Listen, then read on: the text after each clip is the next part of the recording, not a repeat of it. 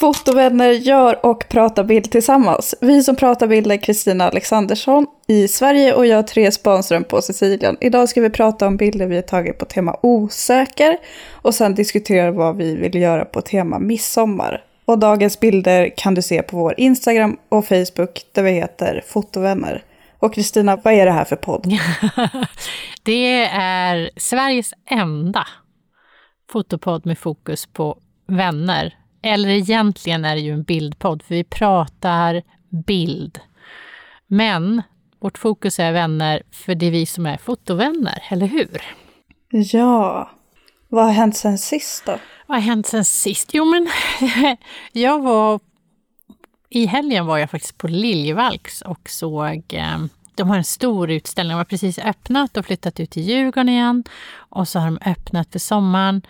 Och under hela sommaren kommer de ha en akvarellutställning med Lars Lerin. Så jag tog med mig oh. min man och så gick vi och såg på Lars Lerin. Åh, oh, vilken lyx! Ja, det var lyx. Det var verkligen jättelyx och eh, det var väldigt populärt också. Det var väldigt, väldigt, väldigt mycket människor.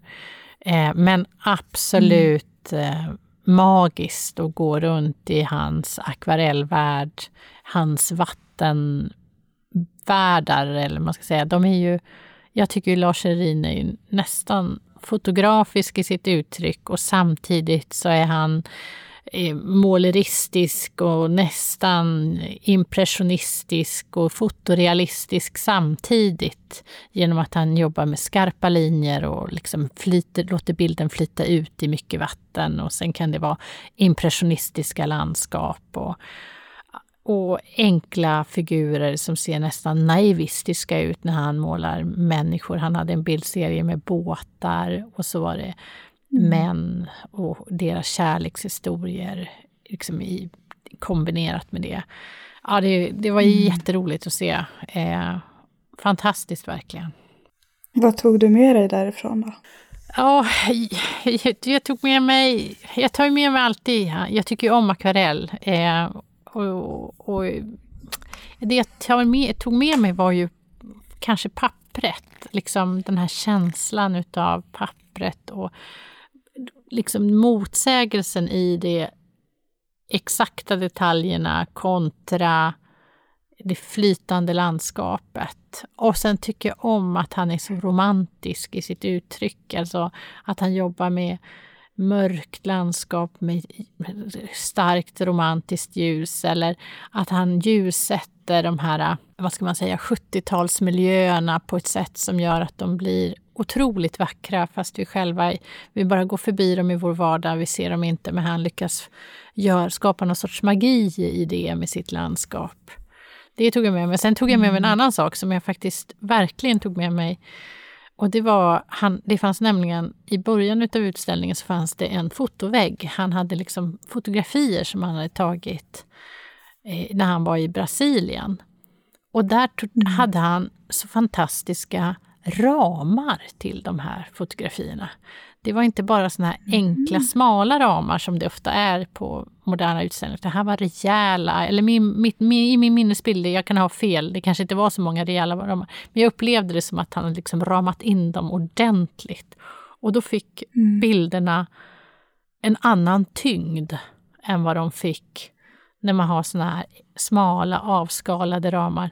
Det kändes som att det blev nästan stilleben utav de här bilderna som han hade tagit. Och det gillade jag jättemycket. Så det tänkte jag, nästa gång jag ska göra bilder och så ska jag rama dem så ska jag försöka hitta riktigt rejäla såna här nästan snidade ramar. Jag kanske kan till och med gå mm. på loppis och köpa ramar för jag tyckte om det uttrycket, det där rejäla inramade. Mm. Mm. Men hur stora var bilderna då? Akvarellerna var jättestora, men fotografierna var inte så mm. stora. Mm. De var, men de var många. Och det var också roligt för att okay. det var liksom... Eh, han, hade, han hade fotat djur, mest katter och hundar i Brasilien som tycktes gå på gatan eller tycktes bo i, i samband med något hus eller var han befann sig. Jag vet inte, jag läste inte så noga. Jag ska inte påstå att jag läste på. Men och så kom det tillbaka, så att samma katt kunde komma tillbaka som upprepningar i bildserien. Och det tyckte jag också var roligt. Från början såg det ut som det var massor med katter och hundar. Men efter ett mm. tag när man började titta på det så såg man att den där katten har jag ju sett där och där ser jag den där hunden fast den ser lite annorlunda ut. Det är nästan lika bild och det tyckte jag var roligt att han nästan spelade memory med bilderna. Eh, och det var, ro, det var en härlig upplevelse. Det tog jag också med mig, att, att det var inte fel att upprepa motivet. Även om det är en liten, liten skiftning i det så funkade det så bra när man satte dem. Nu hade han ju jättevägg och jätteutrymme och så, men det var en, en rolig idé och jag gillade det. Och sen skulle jag ju vilja lära mig måla akvarell. Det ska jag ju också tillstå. Alltså jag skulle vilja vara mm. akvarellist. Jag skulle vilja kunna måla med vatten. Och då tänker jag på, jag har ju berättat det förut här i podden, att jag, har gått en kurs på Valand i, i den kreativa processen eller vad den hette för någonting. Mm. där min foto, han som var handledare för den här kursen, när vi skulle ha vår eh, opposition, eller vad man ska säga, så säger han till hon som har fått uppgift att opponera på mitt arbete, så säger han så här, vad tycker du då om Kristinas vattniga estetik? Mm -hmm. Då tänkte jag så här, ja det märks att jag tycker om akvarell, för jag tycker mina bilder kan också gå i en vattnig estetik. ja. Eh, det, alltså, anledningen till att min svärmor gick med på Facebook var för att det fanns en, en eh, akvarellkurs där. Alltså jag tror nog att det var en slags Facebookgrupp och så var det en som en lärare och så fick de uppdrag. Ah. Ja, så hon, hon målar akvarell, din svärmor? Eh, jag vet inte hur mycket hon målar just nu, men jag vet i alla fall att hon gick den kursen och att hon älskar att måla akvarell. Ja. Så det var en eh, grundkurs, om jag förstod det rätt, så att man får lära sig hur färgerna fungerar tillsammans. Jag tror det säkert var färglära med det och sen även eh, hur, hur man arbetar med ljussättning, alltså skugga och sådana grejer. Mm, alltså, sånt här kan jag ju ingenting om. Jag kan inget om färglära och jag kan absolut ingenting om hur de samspelar. Och sen tycker jag ju att akvarell är läskigt därför man tappar så fort kontrollen genom att vattnet mm. Eh, liksom tar över. Och det är ju det jag tycker om i akvarelluttrycket. Det är ju att de kan ha kontroll över det som inte är kontrollerbart på något sätt. Mm. Mm. Hopp. Det, blir, det blir en frihet samtidigt som det blir jobbigt. Ja, men jag tänker, för någon som gillar att ha kontroll. men jag tänker att det är också det som jag gillar i fotografiet. Jag tycker om att ha kontroll, men jag tycker det är som roligast när jag utmanar min, mitt behov av kontroll. Så att jag verkligen mm. liksom inte har full kontroll över hela processen, utan det finns någonting, något element utav som, som gör att jag inte har kontroll fullt ut och det där magin händer någonstans, tänker jag ibland. Fast jag tror ju att jag har mm. ganska mycket kontroll också. Ja, det är sagt om det. Eh, vad har hänt hos dig sen sist? Mm. Jag har eh, funderat på vad det är för typ av verktyg vi använder när vi fotograferar. Mm. Och då om man gör en eh, snabb sökning på nätet så är det så här, ja men kamera används för att fotografera. Mm. Och jag funderar på, alltså i, för jag vet inte om jag har berättat om det i podden, men för ett tag sedan så köpte jag en, en skanner för att skanna negativ och den är även kapabel till att liksom eh, skanna som vanligt, alltså vanliga, vanliga framkallade bilder ur ett fotoalbum. Mm. Så att man lägger liksom bara den här skannen på. Skannen är kanske så här, vad kan den vara? Ja, men 15 gånger 20 centimeter. Ehm, är kanske lite större. Strunt samma, den har i alla fall en slags kamera i sig. Mm. Och sen när jag tog upp den där så, så kände jag så här, jag vill bara stoppa den här i någons ansikte. Mm. så jag gjorde det ja. på, på pappa, på Robert, mannen mm. och mig själv. Och det tyckte jag var superkul. Så jag blev så provocerad över att, ja, att det kanske är en slags kamera. Men jag vill säga att en skanner kan också vara ett verktyg för att fotografera. Ja, det är klart det kan. Eh, det, det är egentligen det jag vill lyfta kring vad som har hänt sen sist. Jag har funderat på det här och blivit provocerad av det. Vad blev det för bilder? Berätta. Alltså, tryckte du upp deras ansikten på skannerytan? Ja, det, ja exakt. Så det blir sådär Alltså det, det är så roligt. Det är liksom, det är, det är en stor lampa där inne. Mm. Eh, så att det blir som ett, en liten egen softbox i ett eget litet rum kan man säga. Och sen det är som om ansiktet precis får plats i den där. Så om jag ska försöka förklara den här skannen lite mer så är den som en, som en rektangulär box. Mm. Och Eh, uppe på den så kan man liksom dra in sina negativ. Och sen så under den så är det som ett slags stort hål som är belyst. Så där stoppade jag in ansikten. Och man ser allt. Mm. Det är så roligt. Jag tänker att det är som en kopieringsmaskin. Men, mm.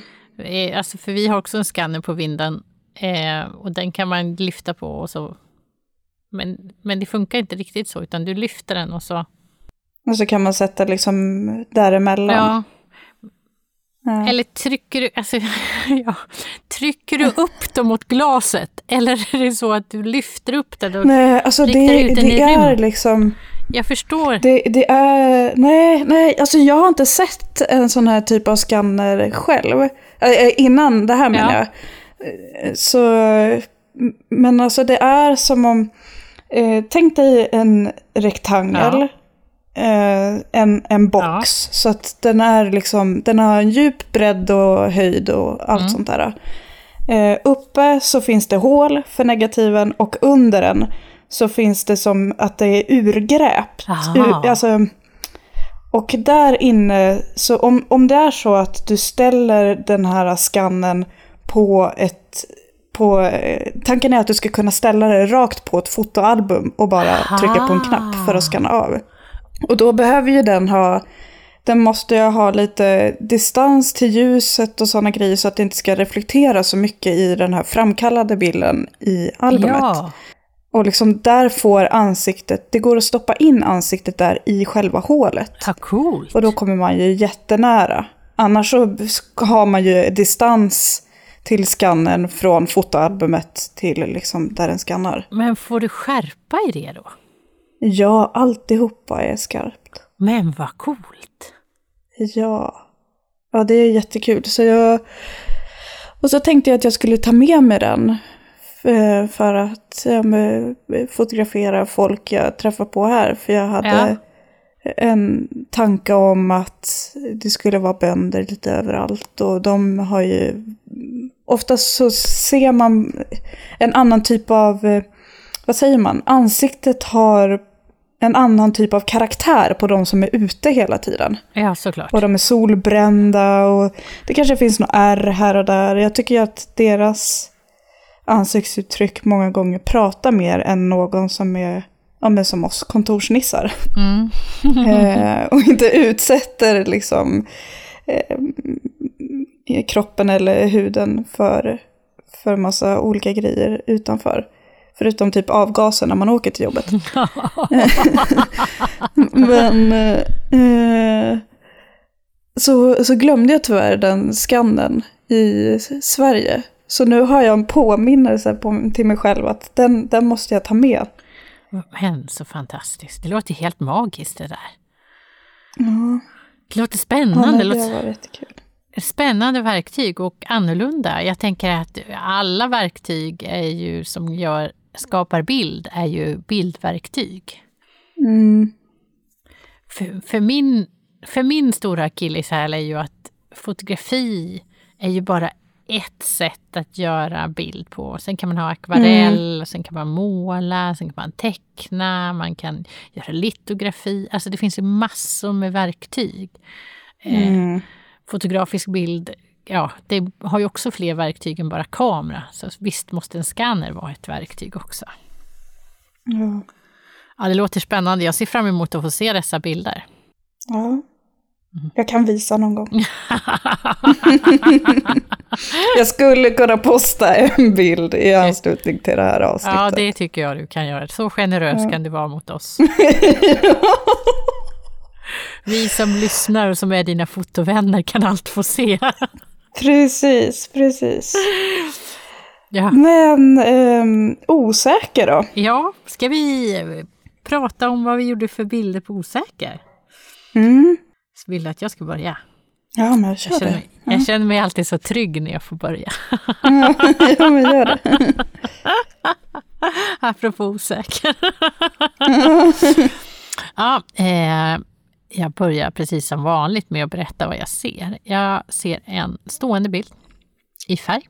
Den har en ganska, det som är, om jag nu skulle säga att jag har någonting som jag börjar se som en, ett drag som jag ser från Sicilien så är det att den går i ganska enhetlig färgskala. Precis som din bild från Etna så, så gör även den här bilden det. Den har liksom en ganska modest färgskala som går ifrån lite mörkare i början utav, i övre delen av bilden och sen går den till att det blir ljusare ju längre ner jag kommer i bilden. Så det finns liksom en fallande ljushet i bilden. Den går från mörker till ljus och det är liksom uppifrån och ner. Mm. Och det bilden föreställer eh, är massor med hö skulle jag säga. Det är som att jag ser en höskulle eller en höbal eller något sånt.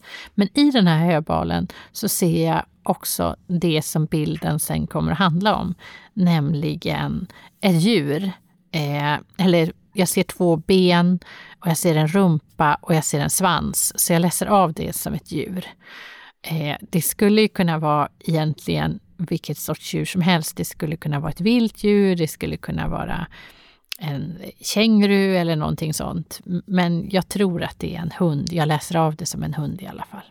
Och hunden går i ungefär samma färgskala som höet. Så att den har liksom, om höet är så gråbrunt eller brunt beige eller vad man ska säga, så är hunden också beige och lite vit och har ben, bakbenen ser man, man ser inte huvudet. För den stoppar nämligen ner huvudet i höet. Så att eh, när man tittar på bilden så kan man, det första man tänker på är ju det här liksom sägningen om att eh, strutsen gömmer sitt huvud i sanden. Att man på något sätt är osäker så gömmer man sig eller döljer man sig så att ingen ska se en. Och jag vet ju att det där med att strutsen skulle stoppa huvudet i sanden, det är ju inte sant utan det är bara hittepå. Och för att förbereda mig så var jag tvungen att ta reda på ifall det verkligen var hittepå, så jag inte satt här och hittade på att det var hittepå. Men det är ett hittepå och det är gammalt hittepå för att det, det är redan första gången det finns vedbelagt att man har sagt att strutsen gömmer sig i buskar och då tror att de inte syns. Som sen har blivit att de stoppar huvudet i sanden. Det är, finns redan 50 efter Kristus, 50 till 70 efter Kristus, vilket känns helt fantastiskt. Så att jag tänker att det här beteendet om att gömma sig när man är osäker eller vilja skyla sitt ansikte eller dölja det, det är någonting som, som är djupt mänskligt. Och då har man liksom använt en allegori eller en bild för det och, och strutsen har då fått bära det genom alla tider, vilket var lite spännande tyckte jag. Nu är det här ingen struts, mm. men den får mig att tänka på just struts. Mm. Och sen, eh, så det, det som är lite spännande med bilden tycker jag är också att jag undrar varför har det här djuret, djuret valt att stoppa huvudet i, i höet? Vad är det för något den, den räds eller vad är det för någonting som gör att den är osäker eller varför vill den gömma sig? Varför vill den inte möta mig som betraktare? Och, och jag känner liksom att det är jag ju jättenyfiken på. Och sen är jag också nyfiken på ifall den egentligen är osäker eller om den bara hittar någon mus eller något annat spännande där nere. Eller någon godis som någon har gömt och bara fått den, fått den att krypa in så. Men sen finns det andra saker som jag också funderar mycket på. Det är ju liksom hur djurets konstruktion är. Det vill säga det här med bakbenen som får mig att känna att det ser nästan ut som ett rådjur eller något annat. Alltså det skulle kunna vara många sorters djur men jag läser ändå av det som en hund. Sen får det mig också att tänka på Lars Lerins bilder utav de här djuren som han hade på Liljevalchs med de här väggarna. Och jag skulle kunna tänka att den här bilden skulle vara jättespännande att rama in eh, i just en sån här ganska maffig ram. För då tror jag att den skulle bli ännu mer spännande. För då skulle den lyfta ännu mer från sin triviala situation. För det var det han gjorde med sina ramar, upplevde jag som. Han lyfte ut de här ganska enkla bilderna och de blev så mycket större med hjälp av inramningen och konstruktionen. Det, det tror jag även att den här bilden skulle vinna mycket på. Mm. Men berätta, hur, kom, liksom, hur, hur hamnade du i den här situationen? Eh, det är en hund. Jag håller ja. med dig om att man kan Alltså jag, jag tänker på rådjur, jag tänker också på struts. Känguru var, var nytt för mig. Men det som hände var att jag skulle gå och mata hästarna mm. för... Jag tror det var på kvällen, men det kan vara på morgonen. Och en av hundarna brukar alltid följa med och hon älskar att vara på den där höskullen och bara mysa in sig i höet och så här bara umgås samtidigt som vi håller på och matar hästarna. Mm.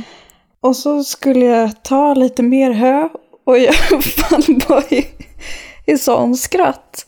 Och jag bara, men gud vad gör hon för något? Hon har försvunnit. Vad är det här för något?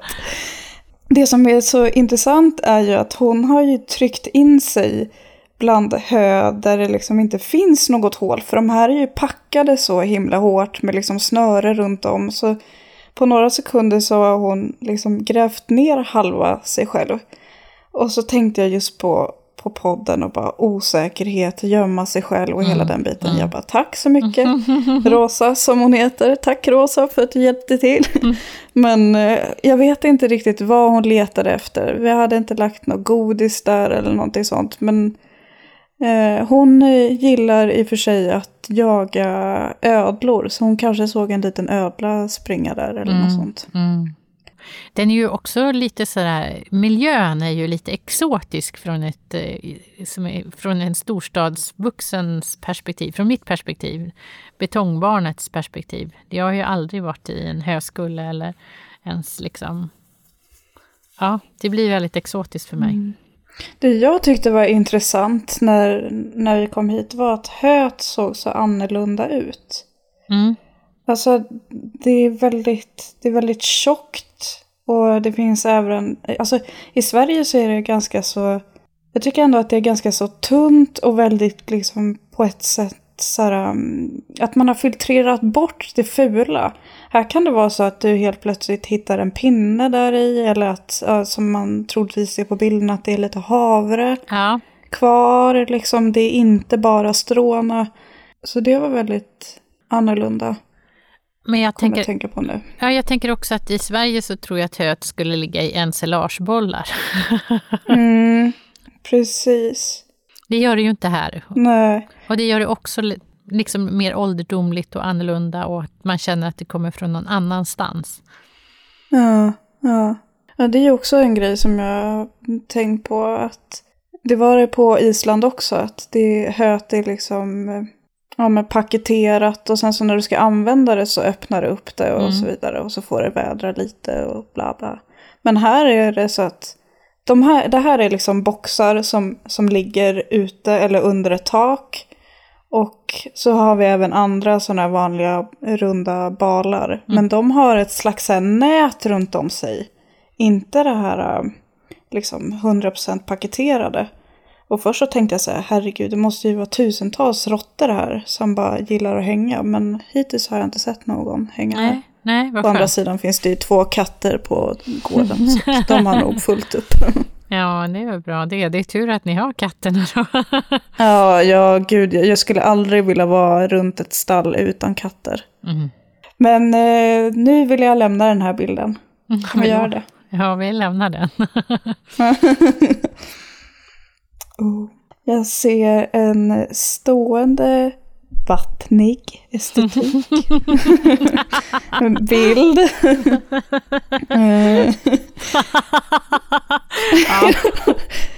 Jag tycker i och för sig, ja, Ja, men det, det är Kristina-målning med... Mm. Det går liksom från mörkt till ljust. Det, det är väldigt liksom dova färger. Och så ser jag en kropp och blicken är hitåt. Kroppen har något som jag läser som antingen ett nattlinne eller en handduk invirad sig, en vit. Och sen håller den här människan i ett gosedjur som jag tycker ser ut som en eh, kanin. Och den här kaninens öron, det döljer liksom munnen av människan. Och människan står lite i profil och tittar liksom lite bakåt på mig. Eh, med en blick som är, som jag uppfattar som osäker. Mm. Eller så här, um, kom, kom inte nära mig. Jag, jag är här och jag är skör. Och något annat, och just den här, um, den här långa slutartiden hjälper mig att få känna, vad, vad, ska jag kalla det, att jag känner så här, det blir, det blir tungt över bröstet. Det blir liksom, jag, jag tycker synd om den här människan.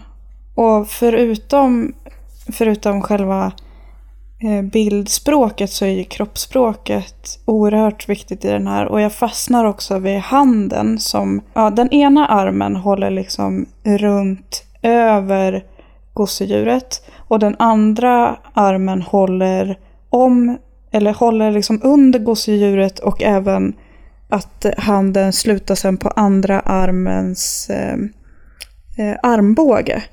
Och handen som slutar där på armbågen, den är också, fingrarna är liksom lite spretiga, som om man precis har så här... Um, jag, jag, tänker att liksom sekvensen innan det här är att personen um, står neutralt rakt framför mig och håller kaninen i ena handen. Och sen börjar jag närma mig, personen gillar inte det, personen blir osäker, tar upp kaninen fort och liksom eh, ryggar tillbaka. Och det tror jag inte jag nämnt heller, utan det är liksom, kroppsspråket är att man ryggar tillbaka. Och det här, det här osar ju osäkerhet. Jag tycker att det det är fint också. Men det jag känner, just det, det är ett, eh, det är ett självporträtt också, det har jag inte sagt. Mm. eh, och, och, det får mig att tänka på, i och med gosedjuret, så tänker jag på en ung människa. Alltså en ung version av det här självporträttet. Kanske liksom, jag tänker att det skulle kunna vara en berättelse om eh, personens barndom eller eh, liksom att man går tillbaka i tiden. Eller att det är så att det, det, skulle lika bra kunna vara så att en vuxen människa väljer sitt favoritgosedjur och att där finns trygghet när man känner sig osäker. Det behöver inte vara så att det ska handla om barndom, men det var, det var nog det första jag tänkte på när jag läste inbilden. Det här med att du gillar akvarell, det syns ju verkligen mm. i dina bilder. Man känner också själva strukturen. Det, det jag gillar med, med den här typen av bilder som du gör, det är att jag... Nu tar jag mig själv på fingrarna. jag, jag, jag, känner liksom... Jag, jag, får en känsla av hur bilden känns fysiskt. Mm. Alltså jag känner den här akvarell det typiska akvarellpappret som har liksom lite struktur. Mm.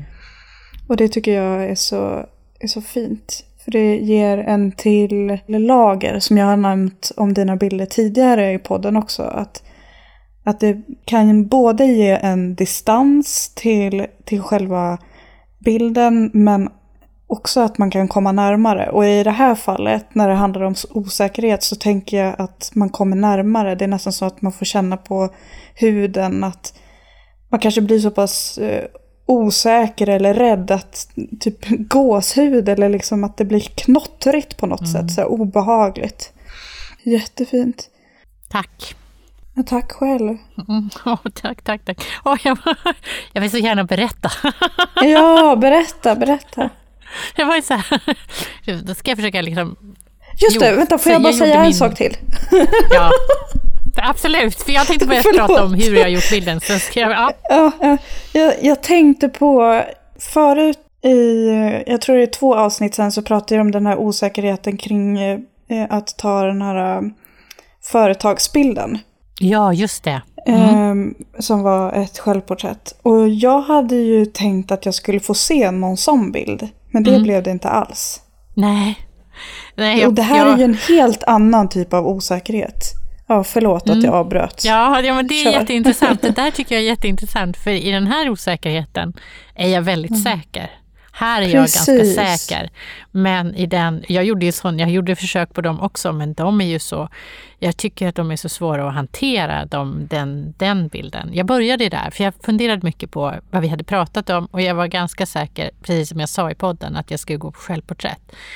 Mm. Men jag började med att fotografera mina barn för att det var mors dag. Så då liksom mm. passar jag på att casha in mm. min morsdagspresent och säga så här, ja ja, men jag tar gärna lite modelltid. och så, så fick de eh, gestalta att vara säker respektive att vara osäker. Och jag, liksom, vi jobbade, jag pratade med dem om det och så fick de liksom fundera på hur de kände att de ville se ut. Och jag, jag gav inte så mycket regi utan jag bara försökte placera idéer i huvudet på dem. Och så skulle jag fota mig själv och så började jag med att försöka göra det här företagsprojekt, företags, alltså det här är mer det som jag vet att vi pratade om i förhållande till när jag fotograferade mig själv för eh, profilbilden på, på jobbet, att jag skulle försöka få fram det där, alltså försöka göra det igen. Och jag såg ju hur osäkra de blev, men också hur dåliga jag kände att de var. Det var inte jag på något sätt. Mm. Och så, tänkte, så började jag fundera på när barnen var små, när de var osäkra, hur gjorde de? Vad var det för någonting som de...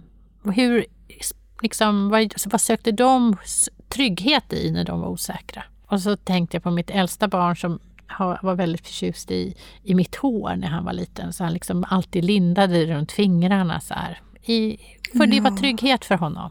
Mm. Han, det var, hade, han kanske inte var osäker men det var trygghet att liksom linda fingrarna runt mitt mm. hår. Och så kom jag på så här, men just det, nej, nu vet jag vad jag ska göra. Jag ska ha ett gosedjur. Det är det mm. barnet använder för att de ska bli trygga.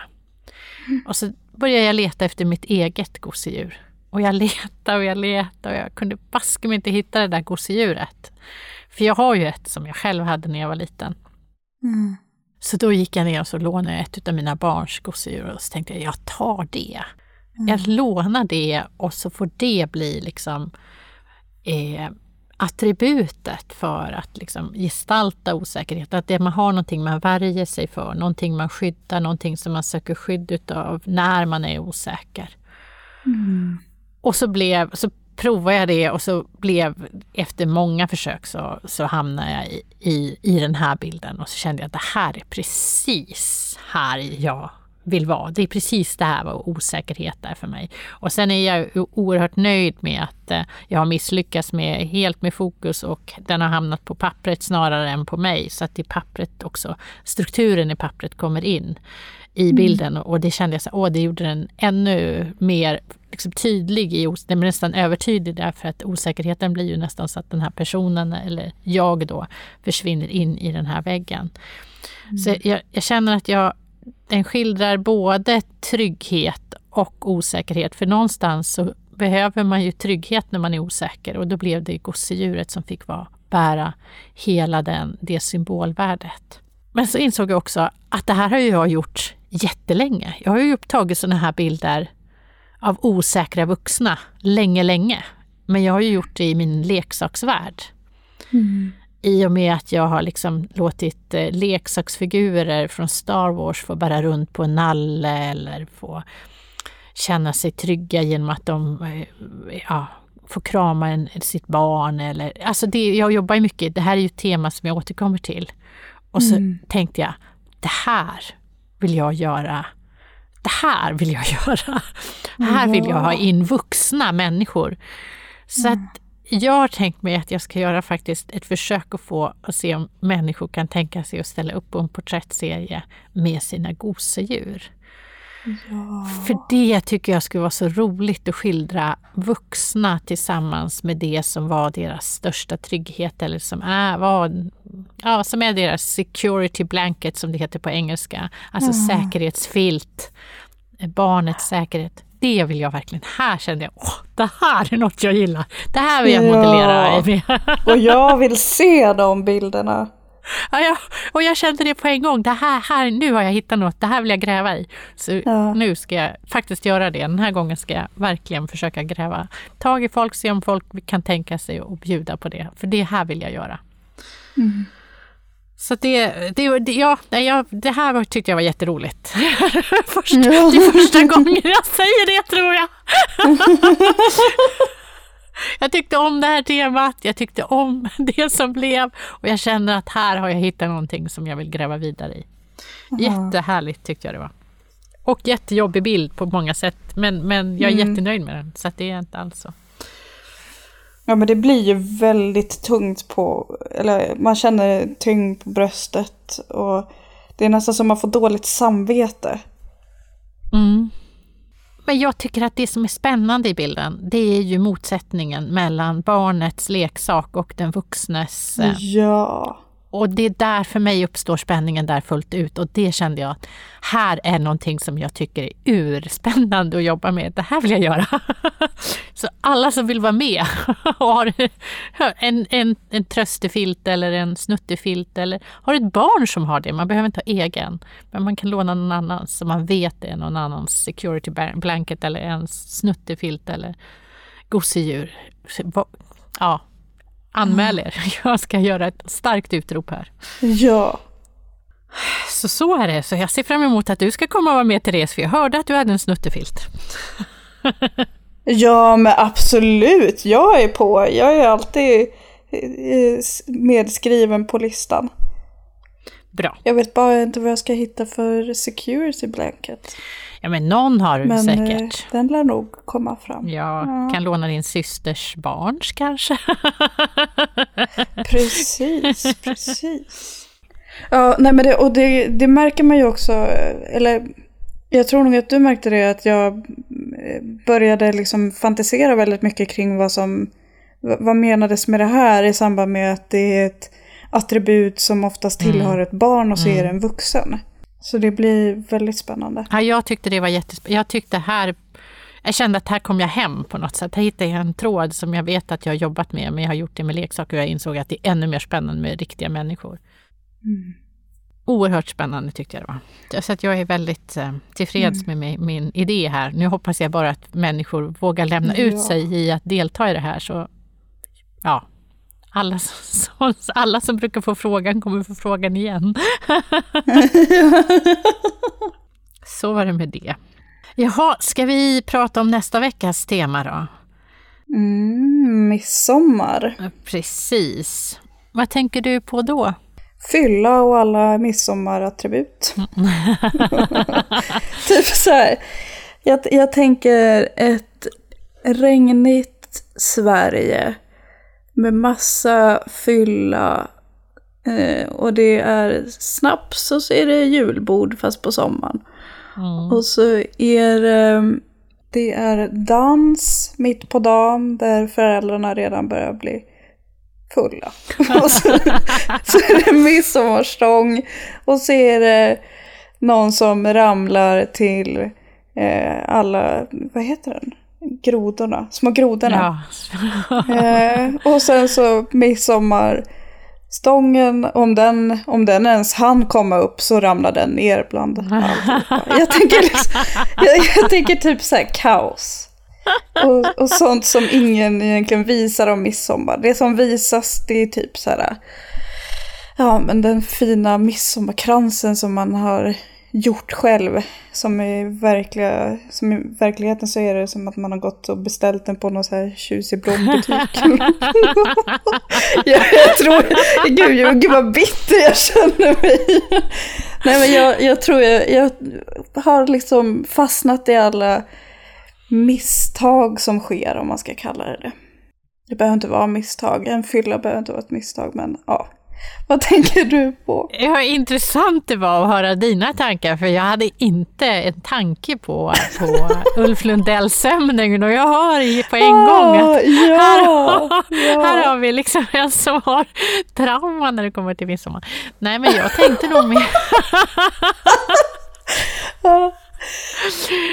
Eh, jag tänkte mer på liksom blommiga klänningar och, och dans runt eh, stången och eh, det där med att vilja dansa men ingen vill dansa. Jag älskade ju verkligen jag älskar ju verkligen att dansa runt midsommarstången. Jag tycker det är jätteroligt. Mm. Ja. Men mina barn vill aldrig dansa och jag är ju så självmedveten så jag har ju så svårt att gå upp och ställa mig och dansa om jag inte har några barn som jag kan kidnappa.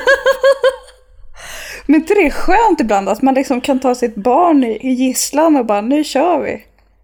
Jo, det är Eller, det, det där kanske lät lite elakt, men ja. Är ja, det inte det, så ibland? Jo, det är så ganska ofta skulle jag säga. Jag, jag använder mina barn som, som en sköld emellanåt för att jag ska känna att eh, det är eh, att jag får göra saker som, som jag inte skulle göra annars. Men jag har ju också lärt mig att mina barn tycker inte att det är så roligt när jag gör det. Så att jag måste också mm. respektera.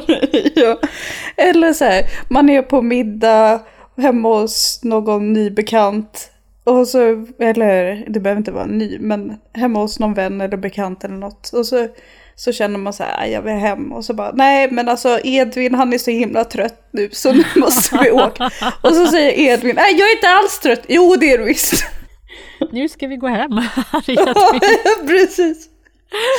Det värsta måste väl vara när man blir liksom avslöjad, eller så här, om, om en Edvin skulle ha sagt att nej jag är inte trött. Ja, men det har, det har jag varit med om några gånger, att jag har blivit avslöjad så. Jag vet men kan du inte berätta om presenten? Jo, jag ska precis berätta om presenten. Vi skulle på till kusinerna på kalas. Jag kommer inte ihåg hur gammal kusinen var, hon var inte så gammal. Och så hade jag hittat en present som, som jag tror att vi redan hade fått den. Jag tror att vi dessutom hade öppnat den. Och så, så sa jag att, att vi, jag, tror, jag kommer inte ihåg om vi hade en sån eller om jag inte ville ha den. Jag tror inte jag ville ha den faktiskt. Så jag slog bara in den igen och så kommer vi och så, så, så ger jag bort den och så säger min, mitt barn så här. Ja, den där har mamma, har mamma har mamma slagit in och ger er igen. För egentligen så var det till pappa. Och jag, och jag fick stå och skämmas så in i bomben över att jag liksom hade passat på att återbruka en present då, ja. som jag inte tyckte att jag behövde. Och då blev jag påkommen direkt eftersom barnet var så ärligt. och det har väl resulterat i att du, du säger det först? Numera. Ja, Om det skulle numera. vara så att du återbrukar en present så bara ja. in med knappen i ge den och bara, nej men den här är återbrukad bara så du vet. Jag tror att du och jag var på någon examensfest så kom jag dit och så värsta jag sa så, så, så Ja, apropå ingenting så är det så att vi har tagit lite gamla t-shirtar som vi hade på jobbet. Och jag tror att du tyckte det var lika pinsamt som att... jag brukar förekomma istället för att bli förekommen. Jag tycker det är härligt. Åh gud, alltså, det har du ingenting med midsommar att göra. Men, men onekligen med barn. det är ett annat tema. ja, alltså, ibland så skulle man ju behöva ha ett ett eh, förråd där man har liksom etiketterat presenter som man antingen har fått dubbletter av eller liksom någonting sånt. Och så får man ju använda dem när, när man vet att det är personen ja. som har gett det som kommer. Eller ta fram den där fula duken som man någon gång fick. Ja, ja, nej, fast det där tycker jag är nästan lite, lite elakt. Jag, jag gillar din stil bättre. Jag tycker det är skönare. Ja. Jo, Eller så här, det... har du ett kvitto? Det, det, det känns bättre. Liksom. Men det har jag aldrig sagt. Men däremot så var det någon gång jag fick en talargåva och så sa jag så här, till den som var med mig och vi pratade och så sa jag så här, den här gillar inte jag så mycket. När jag ser det, sa han, "Eh, du kommer inte ta med dig den hem va? Jag bara, nej, jag kommer nog glömma den på pendeltåget.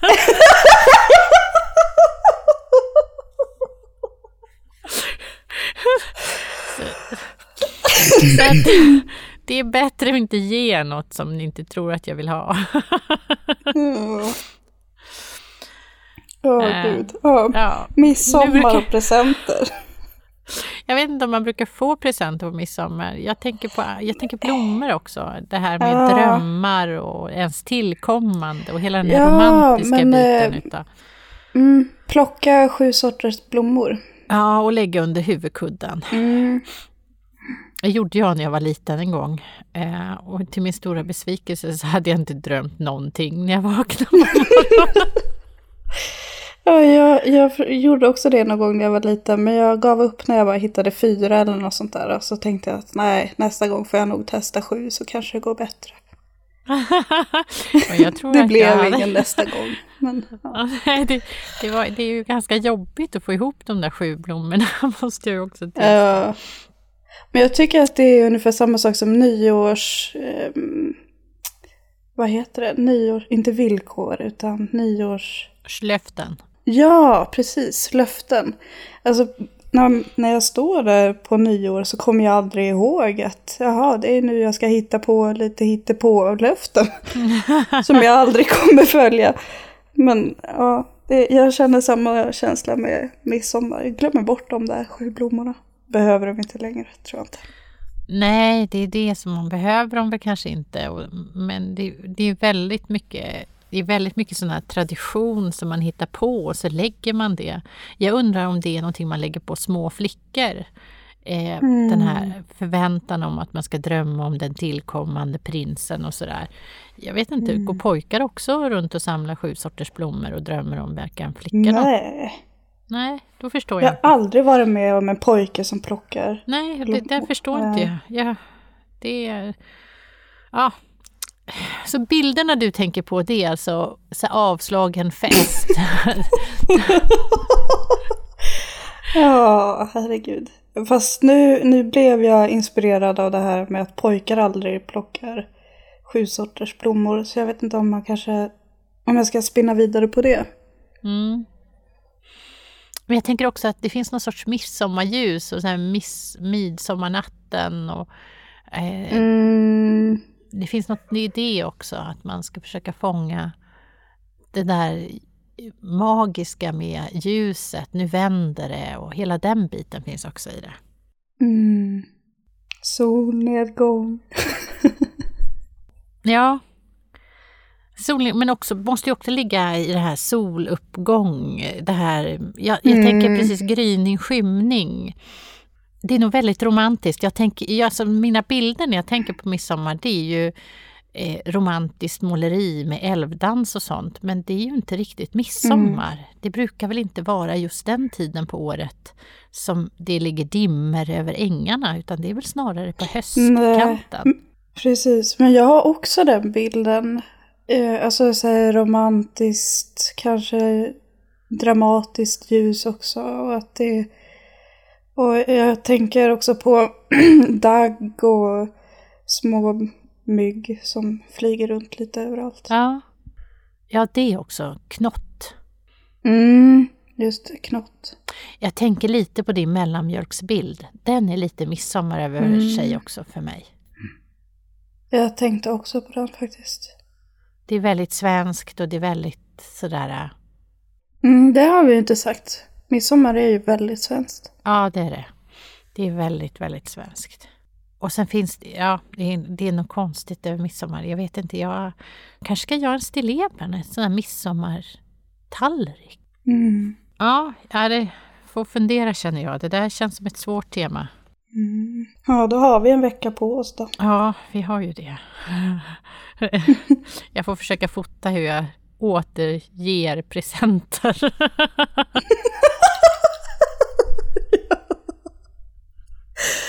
Ja, ska vi säga Ja, så? det gör vi. Ha det bra nu. Ha det bra. Hej då. Hej.